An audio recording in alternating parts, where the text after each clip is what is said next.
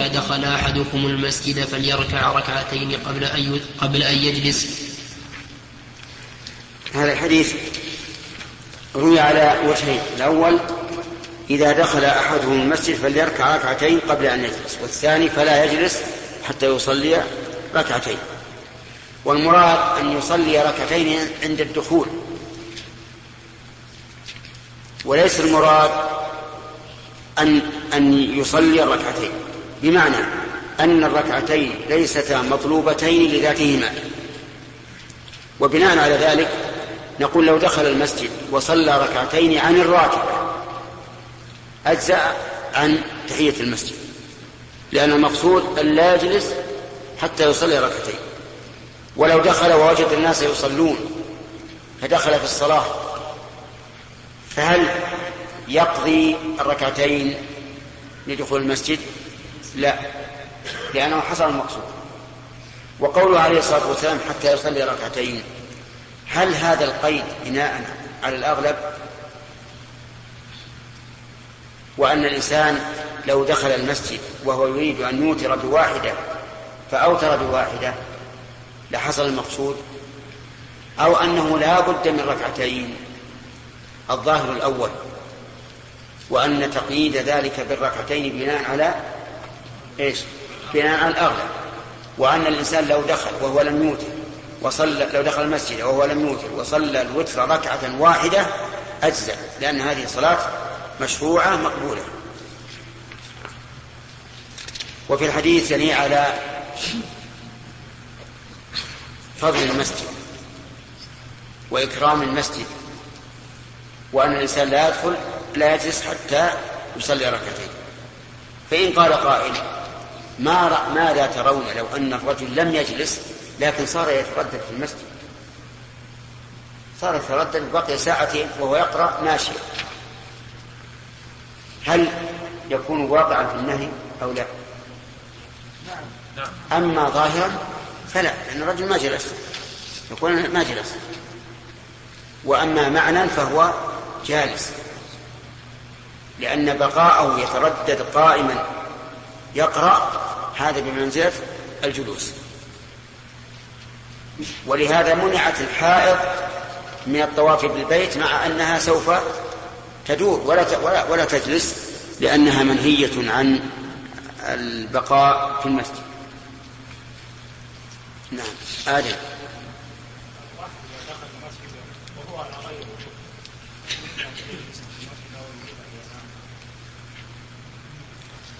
فكيف يصلي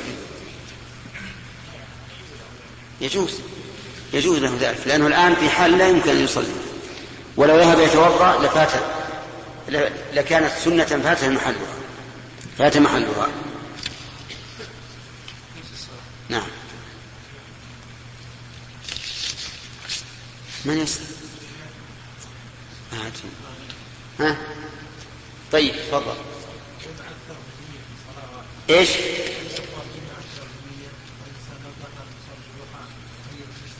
اي نعم. هو كلما كان أكثر فهو أفضل لا شك.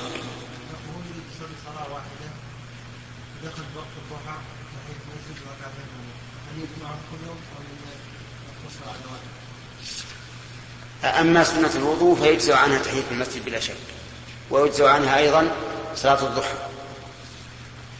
وأما صلاة الضحى فهل تجزع عن سنة الوضوء محل نظر. وعلى كل حال فالعبادات تتداخل خصوصا إذا كان المقصود الشرعي بها أن تحصل الصلاة بقطع النظر عن تسميتها وعيدها. خذ ثلاث باب الحدث في المسجد. اثنين. ثلاثة يلا زكي. ها؟ في إيش؟ حكم إيش؟ هي تحية المسجد الذي يظهر لي أنها سنة مؤكدة وليست بواجب وذلك لأنه وردت قضايا تدل على أنها ليست بواجبة منها الخطيب يوم الجمعة فإنه يأتي يتقدم ويخطب الخطبة الأولى ثم يجلس ومنها قصة النفر الثلاثة الذين دخلوا المسجد فأحدهم جلس في الحلقة والثاني جلس وراءها والثالث خرج فظاهر هذا الحديث أنهم أن الرجلين لم يصليا تحية المسجد. نعم. باب الحدث في المسجد حدثنا عبد الله بن يوسف قال أخبرنا مالك عن أبي الزناد عن الأعرج عن أبي هريرة أن رسول الله صلى الله عليه وسلم قال الملائكة تصلي على أحدكم ما الملائكة. تصلي على أحدكم. ما دام في مصلاه الذي صلى فيه ما لم يحدث. تقول اللهم اغفر له اللهم ارحمه. الشاهد من هذا الحديث قوله ما لم يحدث. لكن هل هو دليل على مقصود الترجمة؟ أن الحدث في المسجد جائز أو يقال الترجمة لم يبين البخاري رحمه الله الحكم. قال باب الحدث في المسجد ولا ولم يبين الحكم. فهل الحدث في المسجد جائز؟ يقال أما ببول أو غائط فلا يجوز لأنه ينجس المسجد. وأما بالريح فلا يجوز أيضا لأنه يؤذي الملائكة برائحته. ودليل, ذلك أنه حرم من, من هذا الثواب حيث أحدث. يقول تصلي على أحدكم ما دام ما دام بمصلاه ما لم يحدث. الشرح. قال ابن حجر رحمه الله تعالى قوله باب الحدث في المسجد. قال المازري أشار البخاري إلى الرد على من منع على أشار البخاري إلى الرد على من منع المحدث أن يدخل المسجد أو يجلس فيه وجعله كالجنب وهو مبني على أن الحدث هنا الريح ونحوه. على أن الحدث على أن الحدث هنا الريح ونحوه وبذلك فسره أبو هريرة كما تقدم وبذلك فسره أبو هريرة كما تقدم في الطهارة. وقيل وقد قيل المراد بالحدث هنا أعم من ذلك أي ما لم يحدث سوءا. ويؤيده رواية مسلم ما لم يحدث فيه ما لم يؤذ فيه. وفي, وفي أخرى للبخاري ما لم يؤذ فيه بحدث. وسيأتي قريبا بناء على أن الثانية تفسير للأولى. قوله الملائكة تصلي وللكشميهني أن الملائكة تصلي بزيادة أن إن, إن. بزيادة إن والمراد بالملائكة الحفظة أو السيارة أو أعم من ذلك. قوله تقول إلى آخره هو بيان لقوله تصلي. قوله ما دام في مصلاه مفهومه أنه إذا انصرف عنه انقضى ذلك وسيأتي, وسيأتي في باب من جلس في المسجد ينتظر الصلاة. بيان فضيلة من, من, من انتظر الصلاة مطلقا سواء ثبت في مجلسه ذلك من المسجد أم تحول إلى غيره. ولفظه ولا يزال في صلاة من انتظر الصلاة فأثبت للمنتظر حكم المصلي. فيمكن أن يحمل قوله في مصلاه على المكان المعد للصلاة لا الموضع الخاص بالسجود فلا يكون بين الحدث فلا يكون بين الحديثين تخالف. وقوله ما لم يحدث يدل على أن الحدث يبطل ذلك ولو استمر جالسا. وفيه دليل على أن الحدث في المسجد أشد من النخامة لما تقدم من أن لها كفارة ولم يذكر لهذا كفارة. بل عومل صاحبه بحرمان استغفار الملائكة ودعاء الملائكة بل عومل صاحبه بحرمان استغفار الملائكة ودعاء الملائكة مرجو الإجابة كقوله تعالى ولا يشفعون إلا لمن ارتضى وسيأتي بقية فوائد هذا الحديث في باب من جلس ينتظر الصلاة إن شاء الله تعالى. نعم. إيش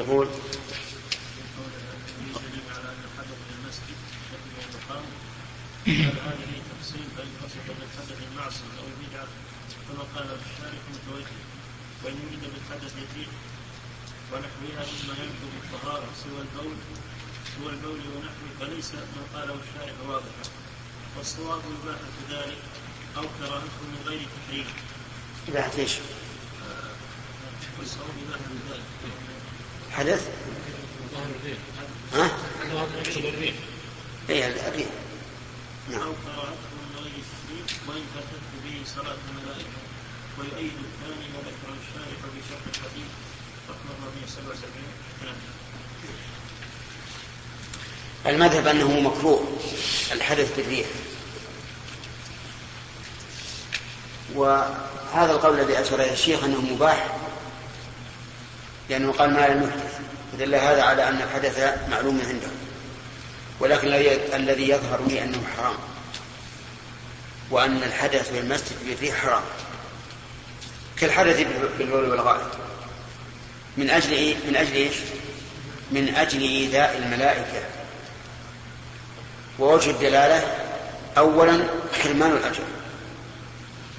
وحرمان الأجر عقوبة. كإحداث العقوبة.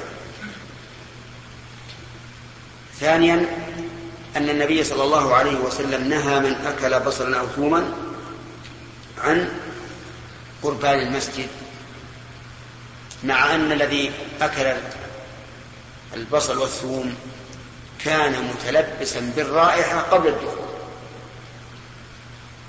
فكيف يجوز له أن يحدث فيخرج منه هذه الرائحة الكريهة؟ إذا كان قد أكل بصلا أو ثوما ثم أحدث يكون أيضا أشد. إذا كان بطنه متغيرا يكون أشد. فالصواب تحريم إخراج الريح في المسجد. نعم. شيخ بارك الله فيكم. قلنا أنه لا يجوز الحدث في المسجد. لكن ألا يرد علينا اعتكاف اعتكاف النبي صلى الله عليه وآله وسلم وأصحابه في المسجد ونومهم فيه ونوم ابن عمر سابقا؟ ومن المعلوم أن النائم لا يملك نفسه غالبا. نعم. بل ولا قد لا النوم من من هذا الامر. هل نام ليحدث؟ لكنه يعني أسألك بس ولم ينم. طيب إذا ما قصد الحرام وإذا أتى الحرام معرضا بدون قصد فإنه لا لا لا يحرم الحلال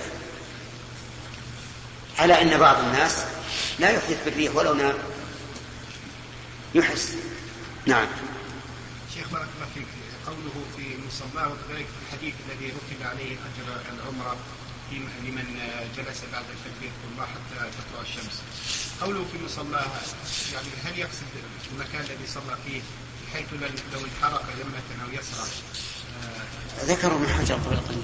إي نعم لكن مره لا الراجح على العموم وأن في مصلاه يعني في المسجد الذي صلى فيه. نعم ثلاثة طيب. الثالث طيب.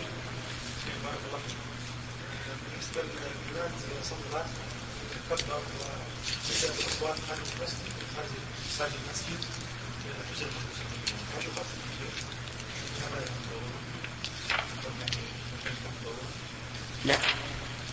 لا يخاف. أما إذا كانت إذا كان إذا كانت هذه الأصوات تدل على حدوث شيء فهنا يخفف لأن الناس سوف تنشغل قلوبهم. أما إذا كانت الأصوات أصوات البائعين والمشترين فلا يخفف لأن جميع مساجد الأسواق يسمع فيها جلبة البائعين والمشترين. نعم. باب بنيان المسجد. وقال أبو سعيد كان سقف المسجد من جليد النخل وأمر عمر ببناء المسجد وقال أكن الناس من المطر. وإياك أن تحمر أو تصفر فتفتن الناس. وقال أنس يتباهون بها ثم لا يعمرونها إلا قليلا. وقال ابن عباس لتزخرفنها كما زخرفت اليهود والنصارى.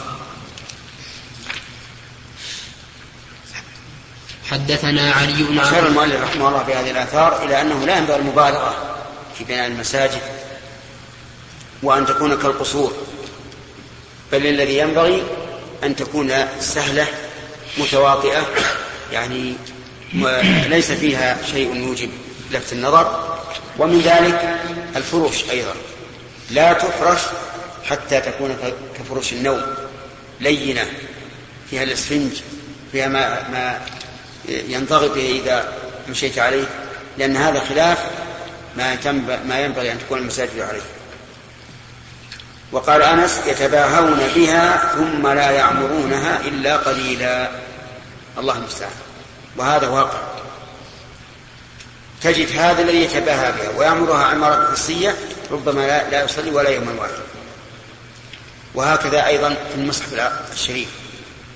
تجد بعض الناس يحلل المصحف ويزركشه ويتعب فيه ولكنه لا يقرأ إلا قليلا وإن قرأه لم يقرأه قراءة نافعة. نعم. وفي وفي أثر ابن عباس دليل على أن زخرفة المساجد تقليد لمن؟ لليهود والنصارى. نعم.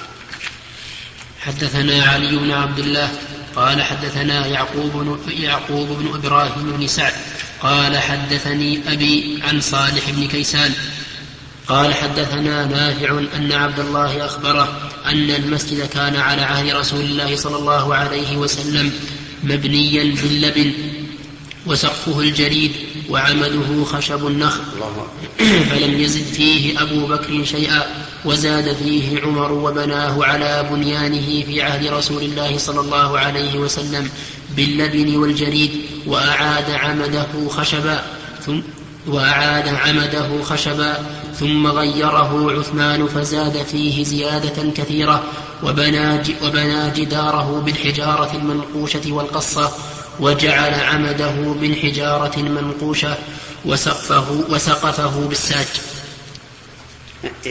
وسقفه بالساج. وعمل عثمان رضي الله عنه لا شك أنه عمل مشروع يعني ليس منكرا لأن عثمان هو أحد أحد الخلفاء الراشدين. وما سمعنا أن أحدا أنكر عليه. ولكن قوله بنى جداره بالحجارة المنقوشة والقصة القصة هي الجص. وأما قولها المنقوشة فالظاهر أن المراد بذلك نقش. نقش لا يؤثر على المصلين بلفت أنظارهم وتشويش أفكارهم. كما شيخ بارك الله فيك ما, ما رأيكم في في كثرة بناء المساجد مثلا في الحي الواحد أو في المنطقة الواحدة؟ رأينا ما ذكره الفقهاء رحمهم الله أنه يحرم أن يبني مسجدا يضر بالمسجد الذي بقربه بتفريق جماعته وأن الثاني يجب هدمه. نعم. شيخ إذا قلنا أن خروج الريح إذا قلنا خروج الريح لا يجوز. طيب يا شيخ كيف نوجه حديث لا يخرج حتى يسمع صوتا أو يجد ريحا مع مغلوب. ولهذا يقول أشكل عليه أحد خرج منه شيء أم لا؟ مو ليس متعمدا.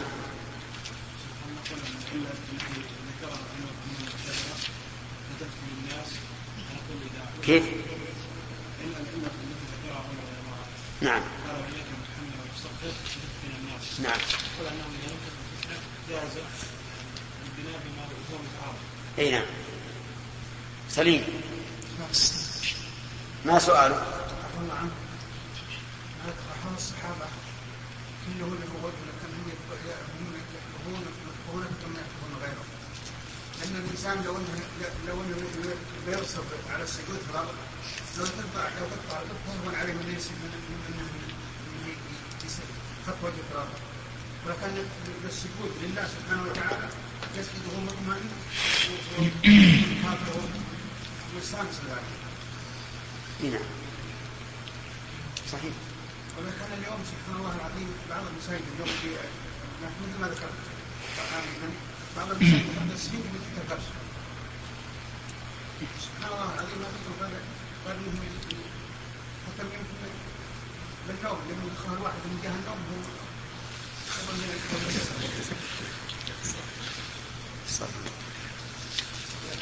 باب باب التعاون في بناء المسجد.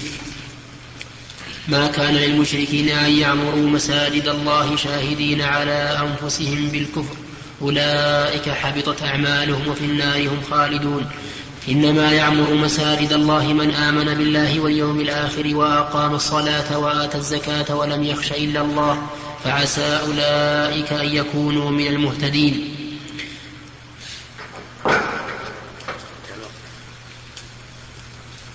هذا الأول. حدثنا مسدد قال حدثنا عبد العزيز بن مختار. قوله تعالى ما كان للمشركين أن يعمروا مساجد الله شاهدين على أنفسهم بالكفر. إذا جاءت ما كان في القرآن الكريم فإنها تكون لنفي الكون الشرعي أو لنفي الكون القدري. الكوني أو الشرعي. وذلك على حسب السياق. فقوله ما كان للمشركين أن يعمروا مساجد الله. قدرا أو شرعا؟ شرعا. أما قدرا فيمكن. وفي قوله تعالى وما كان الله ليضل قوم بعد إذ هداهم حتى يبين لهم ما يتقون. قدرا أو شرعا؟ قدرا. لأن الإضلال ليس مطلوبا بل هو أمر شرعي. طيب وما كان الله ليضيع إيمانكم قدرا. لأن المراد بذلك الثواب. نعم. حدثنا مسدد قال حدثنا عبد العزيز المختار قال حدثنا خالد الحذاء عن عكرمة قال عن عكرمة قال لابن عباس ولابنه علي انطلقا إلى أبي سعيد فاسمعا من حديثه فانطلقنا فإذا هو في حائط فإذا هو في حائط يصلحه. فأخذ رداءه فاحتبى ثم أنشأ يحدثنا حتى, حتى أتى على ذكر بناء المسجد فقال كنا نحمل لبنة لبنة وعمار لبنتين لبنتين.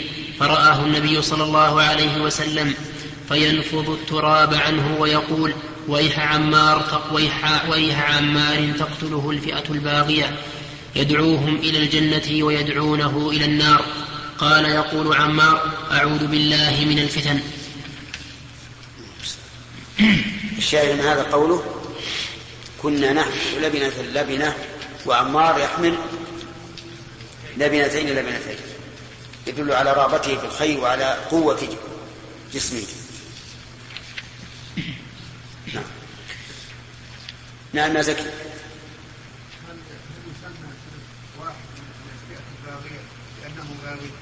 نعم. هل يقال مثلا على فرض من افراد الفئه الباغيه انه باغي ويل ويح ويح أو ويح عمار. يجوز النصب والضم تقتله الفئة الباغية. الفئة الباغية هي الخارجة على الإمام. ولا شك أن أصحاب معاوية خارجون عن الإمام لأن الإمام والخلافة في ذلك الوقت. لمن؟ لعلي بن أبي طالب. قتل مع علي بن أبي طالب رضي الله عنه. والذي قتله هم أصحاب معاوية. فدل ذلك على أن أصحاب معاوية بغاة وأن علي بن أبي طالب صاحب عدل.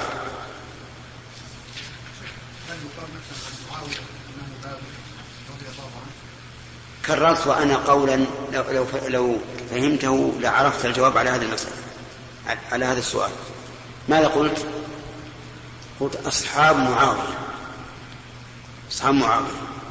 لأن معاوية رضي الله عنه قد لا يكون راضيا بذلك لكن قومه تعجلوا. تعجلوا وبادروا بالقتال. ولهذا قال تقتله الفئة الباغية فهي فئة. نعم. باب الاستعانة بالنجار والصناع في أعواد الملك. باب الاستعانة بالنجار والصناع. الظاهر النجار أنسب لكنها عندي مفتوحه كما قلت. نعم. عندنا شيخ. النجار؟ النجار. هذا أنسب. إذا تخلى ضمه فتحه ولا شيء باب الاستعانة بالنجار والصناع في أعواد المنبر والمسجد. حدثنا قتيبة قال حدثنا عبد العزيز عن أبي حازم عن سهل عن عن سهل قال بعث رسول الله صلى الله عليه وسلم إلى امرأة أن مري غلامك النجار يعمل لي أعوادا أجلس عليهن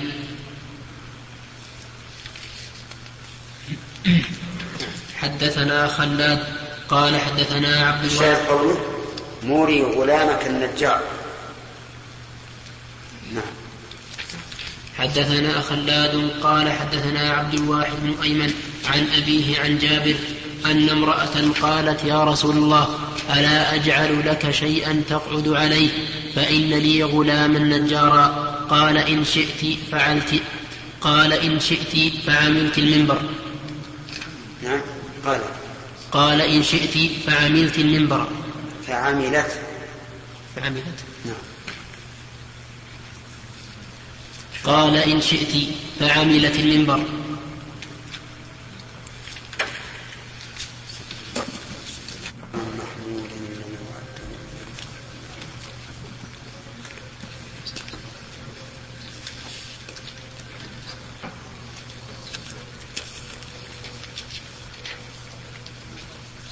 جاي ها؟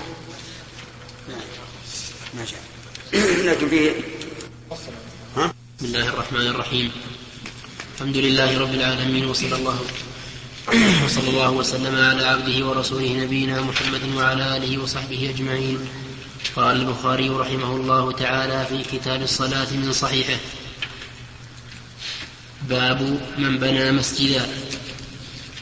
حدثنا يحيى بن سليمان قال حدثني ابن وهب قال أخبرني عمرو أن بكيرا حدثه أن عاصم بن عمر أن عاصم بن عمر بن قتادة حدثه أنه سمع أنه سمع عبد الله الخولاني أنه سمع عثمان بن عفان يقول عند قول الناس فيه حين بنى نعم.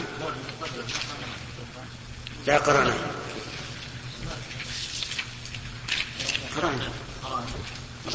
يقول عند قول الناس فيه حين بنى مسجد الرسول صلى الله عليه وسلم إنكم أكثرتم وإني سمعت النبي صلى الله عليه وسلم يقول من بنى مسجدا؟ قال بكير حسبت أنه قال يبتغي به وجه الله بنى الله له مثله في الجنة. في هذا دليل على فضيلة بناء المساجد. وأن من بنى لله مسجدا ومسجد هنا كما ترون نكرة في سياق الشرط فيعم المسجد الكبير والمسجد الصغير. بنى الله له بيتا مثله في الجنة. وعلى هذا يكون الجزاء من جنس العمل. إن كان المسجد كبيرا فالبيت في الجنة كبير. وإن كان دون ذلك فكذلك. وفي قوله إن إنكم أكثرتم علي إنكم أكثرتم دليل على أن ألسن الناس لا يسلم منها أحد. حتى في أمور الخير ومشاريع الخير يتكلم الناس. والزيادة التي زادها عثمان رضي الله عنه كانت في قبلة المسجد. وهي معروفة الآن. وقد اتخذها الناس مسجدا وصار الإمام يصلي فيها. وصار الصف الأول هو الذي يلي الإمام. والصف الأول أفضل من الصلاة في الروضة في حال في حال صلاة الجماعة. لأن الصف الأول مع في حال صلاة الجماعة أفضل مما وراء مما وراءه. هنا. في الآن بعض الناس يتخذ في البيت مسجد أو مصلى يتخذه في غرفة معينة. هل يكتب له هذا الأجر؟ لا. لا- يكتب. المسجد هو المسجد العام الذي لجميع الناس. نعم.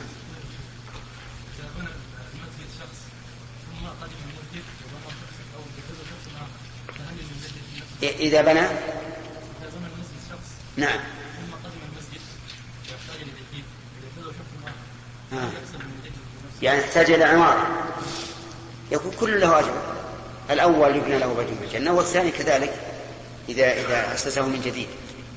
أما إذا كان تشطيبا أو أشياء كمالية فالأجر الأول سلامة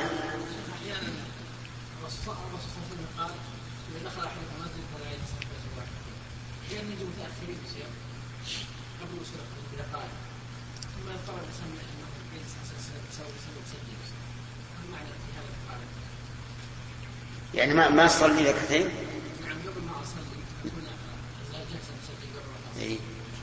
وإذا كان يسيرا لا بأس. إن كان يطول الفصل فلا. باب يأخذ بنصول النبل إذا مر في المسجد. حدثنا قتيبة بن سعيد قال حدثنا سفيان قال قلت لعمرو أسمعت جابر بن عبد الله يقول مر رجل في المسجد ومعه سهام فقال له رسول الله صلى الله عليه وسلم أمسك بنصالها. وذلك خوفا من أن تؤذي أحدا لأنها إذا كانت السهام بارزة فإنه ربما يأتي أحد مسرعا فتصيبه أو ما أشبه ذلك. قال العلماء ومثل ذلك العصا لا لا لا تمسكه عرضا فيؤذي من وراءك ولكن امسكه طولا حتى يكون رأسه نحو السماء وأسفله نحو الأرض. وفي هذا دليل على أنه يجب على الإنسان أن- يتوقع كل ما يكون فيه أذية للناس. لأن أذية المؤمنين من كبائر الذنوب. قال الله تعالى والذين يؤذون المؤمنين والمؤمنات بغير ما اكتسبوا فقد احتملوا بهتانا وإثما مبينا. وقوله إذا مر في المسجد قيد الترجمة بالمرور في المسجد بناء على الحديث الذي ورد. والحديث إنما- جاء على أنه قضية عين. وإلا فالأسواق مثل المساجد لأن العلة واحدة. نعم. باب المرور في المسجد. حدثنا موسى بن إسماعيل. نعم. طيب. الجمع بينهما أن هذا لحاجة. وأما اتخاذه طريقا لا لا لا يذهب إلا معه ولا يجي إلا معه فهذا هو الذي له يعني نعم أيوب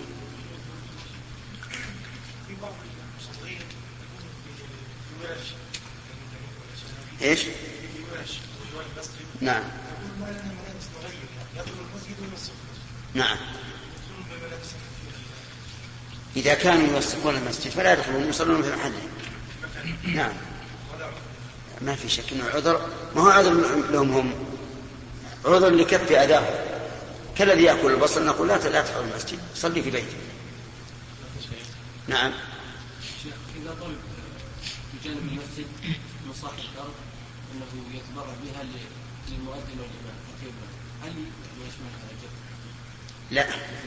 يعني بناؤه يعني أن بناء بيوت الإمام والمؤذن لا تكون كبناء المساجد. أجر. إن شاء الله أجر ما في شك. معون على الخير.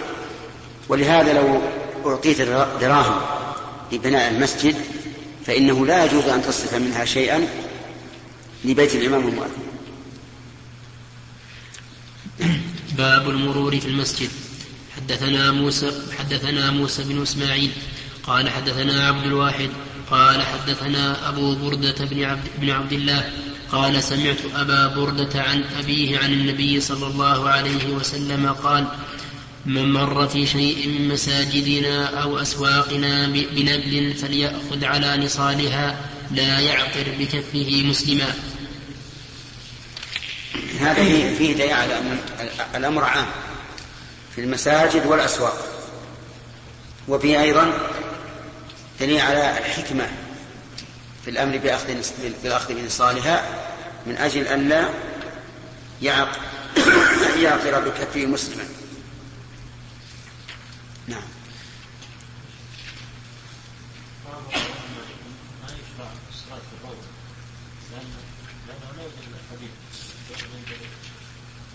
ما بين بيتي شرعية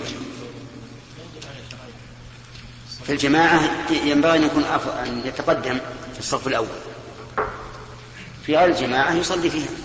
لأن لأن معنى قوله روضة من رياض الجنة أي أنها مكان لغرس العمل الصالح فيها والصلاة من أفضل الأعمال. نعم.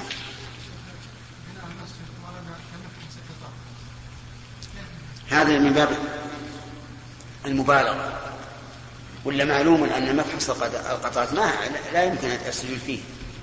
فضلا أن يكون مسجدا.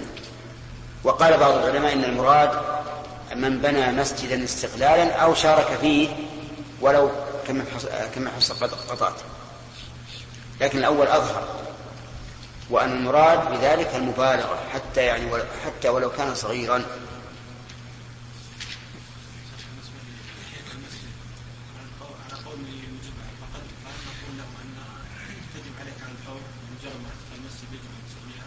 إيه نعم. كل صلاة كل عبادة من صلاة؟ ذات سبب فلا بد أن تقترن بالسبب. أي لا بأس لا بأس المسجد واحد لا لا تصليها حيث تنتهي حيث ينتهي مكان. لأن المسجد واحد. باب الشعر في المسجد. حدثنا أبو اليمان الحكم بن نافع قال أخبرنا شعيب عن الزهري قال أخبرنا أبو سلمة أبو سلمة بن عبد الرحمن بن عوف أنه سمع حسان بن ثابت الأنصاري يستشهد أبا هريرة. أنشدك الله هل سمعت النبي صلى الله عليه وسلم يقول يا حسان أجب عن رسول الله صلى الله عليه وسلم. اللهم أيده بروح القدس. قال أبو هريرة. نعم. في هذا المبالغة في السؤال إذا دعت الحاجة إليه لقوله أنشدك الله لأن حسان رضي الله عنه صار بعض الناس ينكر عليه إنشاد الشعر في المسجد. فأراد أن أن يستشهد أبا, أبا هريرة بهذه الصيغة لأجل أهمية الدفاع عن نفسه. وكما قال حسان رضي الله عنه لما مر به عمر وهو يمشي بالناس في المسجد فنظر إليه فقال لقد كنت أنشد فيه وما وفيه من هو خير منك. يعني رسول الله صلى الله عليه وعلى آله وسلم. نعم. نعم.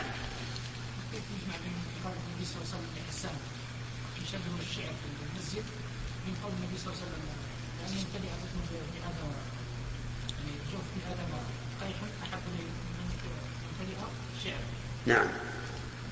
المراد المشتمل على اللغو والشعراء يتبعهم الغاوون. ألم تر أنهم في كل واد يهيمون وأنهم يقولون ما لا يفعلون إلا الذين آمنوا.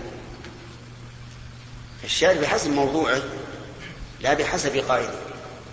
إذا كان موضوعه سيئا فهو سيء. ولهذا قال بعضهم الشعر كالكلام. حسنه حسن وقبيحه قبيح. نعم.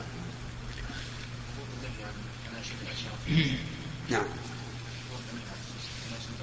نعم مرة أن تنشد, في الأشعار. المراد ما كان يشوش على الناس ويؤذيهم أو يحصل به المفاخرة بين القبائل كما جرت به العادة. فإن بعض القبائل يجمع شعراءهم يجمعون شعراءهم ثم كل واحد منهم يهجو الآخر. باب أصحاب الحراب في المسجد. حدثنا عبد العزيز بن عبد الله قال حدثنا إبراهيم بن سعد عن صالح عن ابن شهاب قال أخبر قال أخبرني عروة, عروة بن الزبير أن عائشة قالت لقد رأيت رسول الله صلى الله عليه وسلم يوما على باب حجرتي والحبشة, والحبشة يلعبون في المسجد ورسول الله صلى الله عليه وسلم يسترني بردائه أنظر, أنظر إلى لعبهم. زاد إبراهيم بن المنذر حدثنا ابن وهب قال أخبرني, أخبرني يونس عن ابن شهاب عن عروة عن عائشة قالت لقد رأيت لقد رأيت النبي صلى الله عليه وسلم والحبشة يلعبون بحرابهم. في هذا الحديث فوائد أولا جواز اللعب بالحراب في المسجد. ومثلها عندنا السيوف والبنادق وما أشبه ذلك. وهذا هو أصل ما يسمى بالعرضة النجدية. وفي أيضا دليل على أن المصلحة إذا كانت أكثر من من المفسدة فإنها تراعى المصلحة وإن كان هناك مفسدة. لأنه لاعبهم في المسجد. لا شك أنه مفسدة. لكن تأليف لكن تأليفهم على الإسلام مصلحة أعلى وأعظم. وفيه دليل على جواز نظر المرأة إلى الرجل. وجه الدلالة؟ أنها كان كانت تنظر إليه. يسترني برداعه وأنا أنظر إليهم. ولكن يجب أن لا يكون نظر تمتع أو تلذذ. فإن كان نظر تمتع أو تلذذ كان حراما. وفيه عناية النبي صلى الله عليه وسلم بأهله وأنه خير الناس لأهله عليه الصلاة والسلام. لكونه مكنها أن تنظر إليهم ولكنه سترها بردائه. وفيه دليل على جواز خروج الإنسان بأهله إلى المنتزهات. لكن بشرط أن لا يكون هناك محذور. فإذا لم يكن هناك محذور وقالوا نريد أن نذهب لنروح عن أنفسنا ونشهد ما كان مباحا من اللعب فإن فإنه لا بأس بذلك.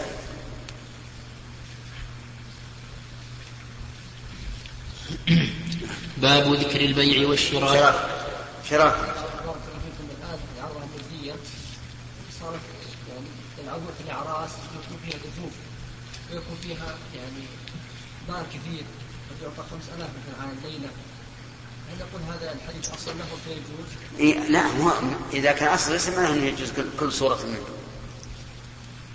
إذا قلنا هذا أصل في الجواز ليس المعنى ان أن كل صورة تكون جائزة. يعني مثلا لو أن قوما اجتمعوا نفر عشرين عشرون رجلا أو ثلاثون رجلا وكان معهم بنادق يلعبون بها هكذا أو أو, أو سيوف.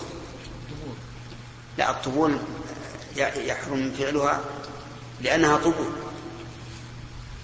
والحبشة ليس معهم طبول. نعم عبد الله. نسمي نظر.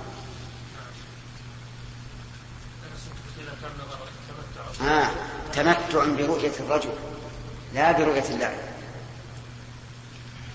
لأن التمتع باللعب يتمتع الإنسان باللعب من حيث هو لاعب. لكن التمتع بالنظر إلى الرجل هذا شيء آخر. أو أو أو يكون نظر تلذذ هذا نظر الشهوة. نعم.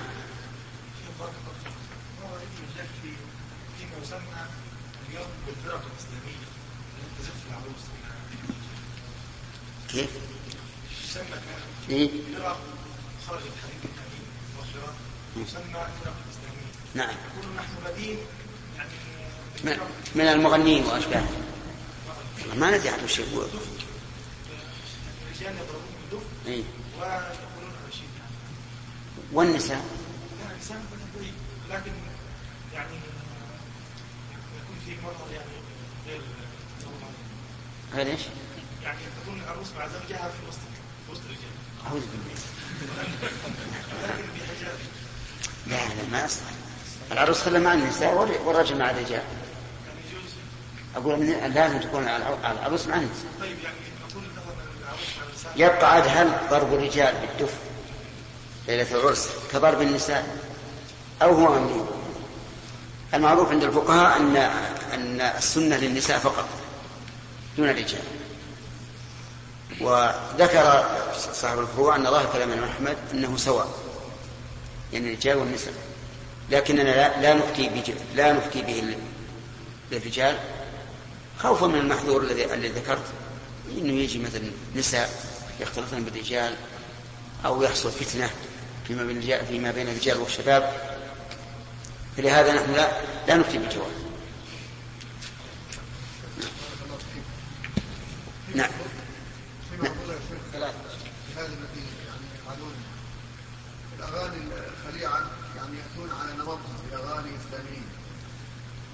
إيه؟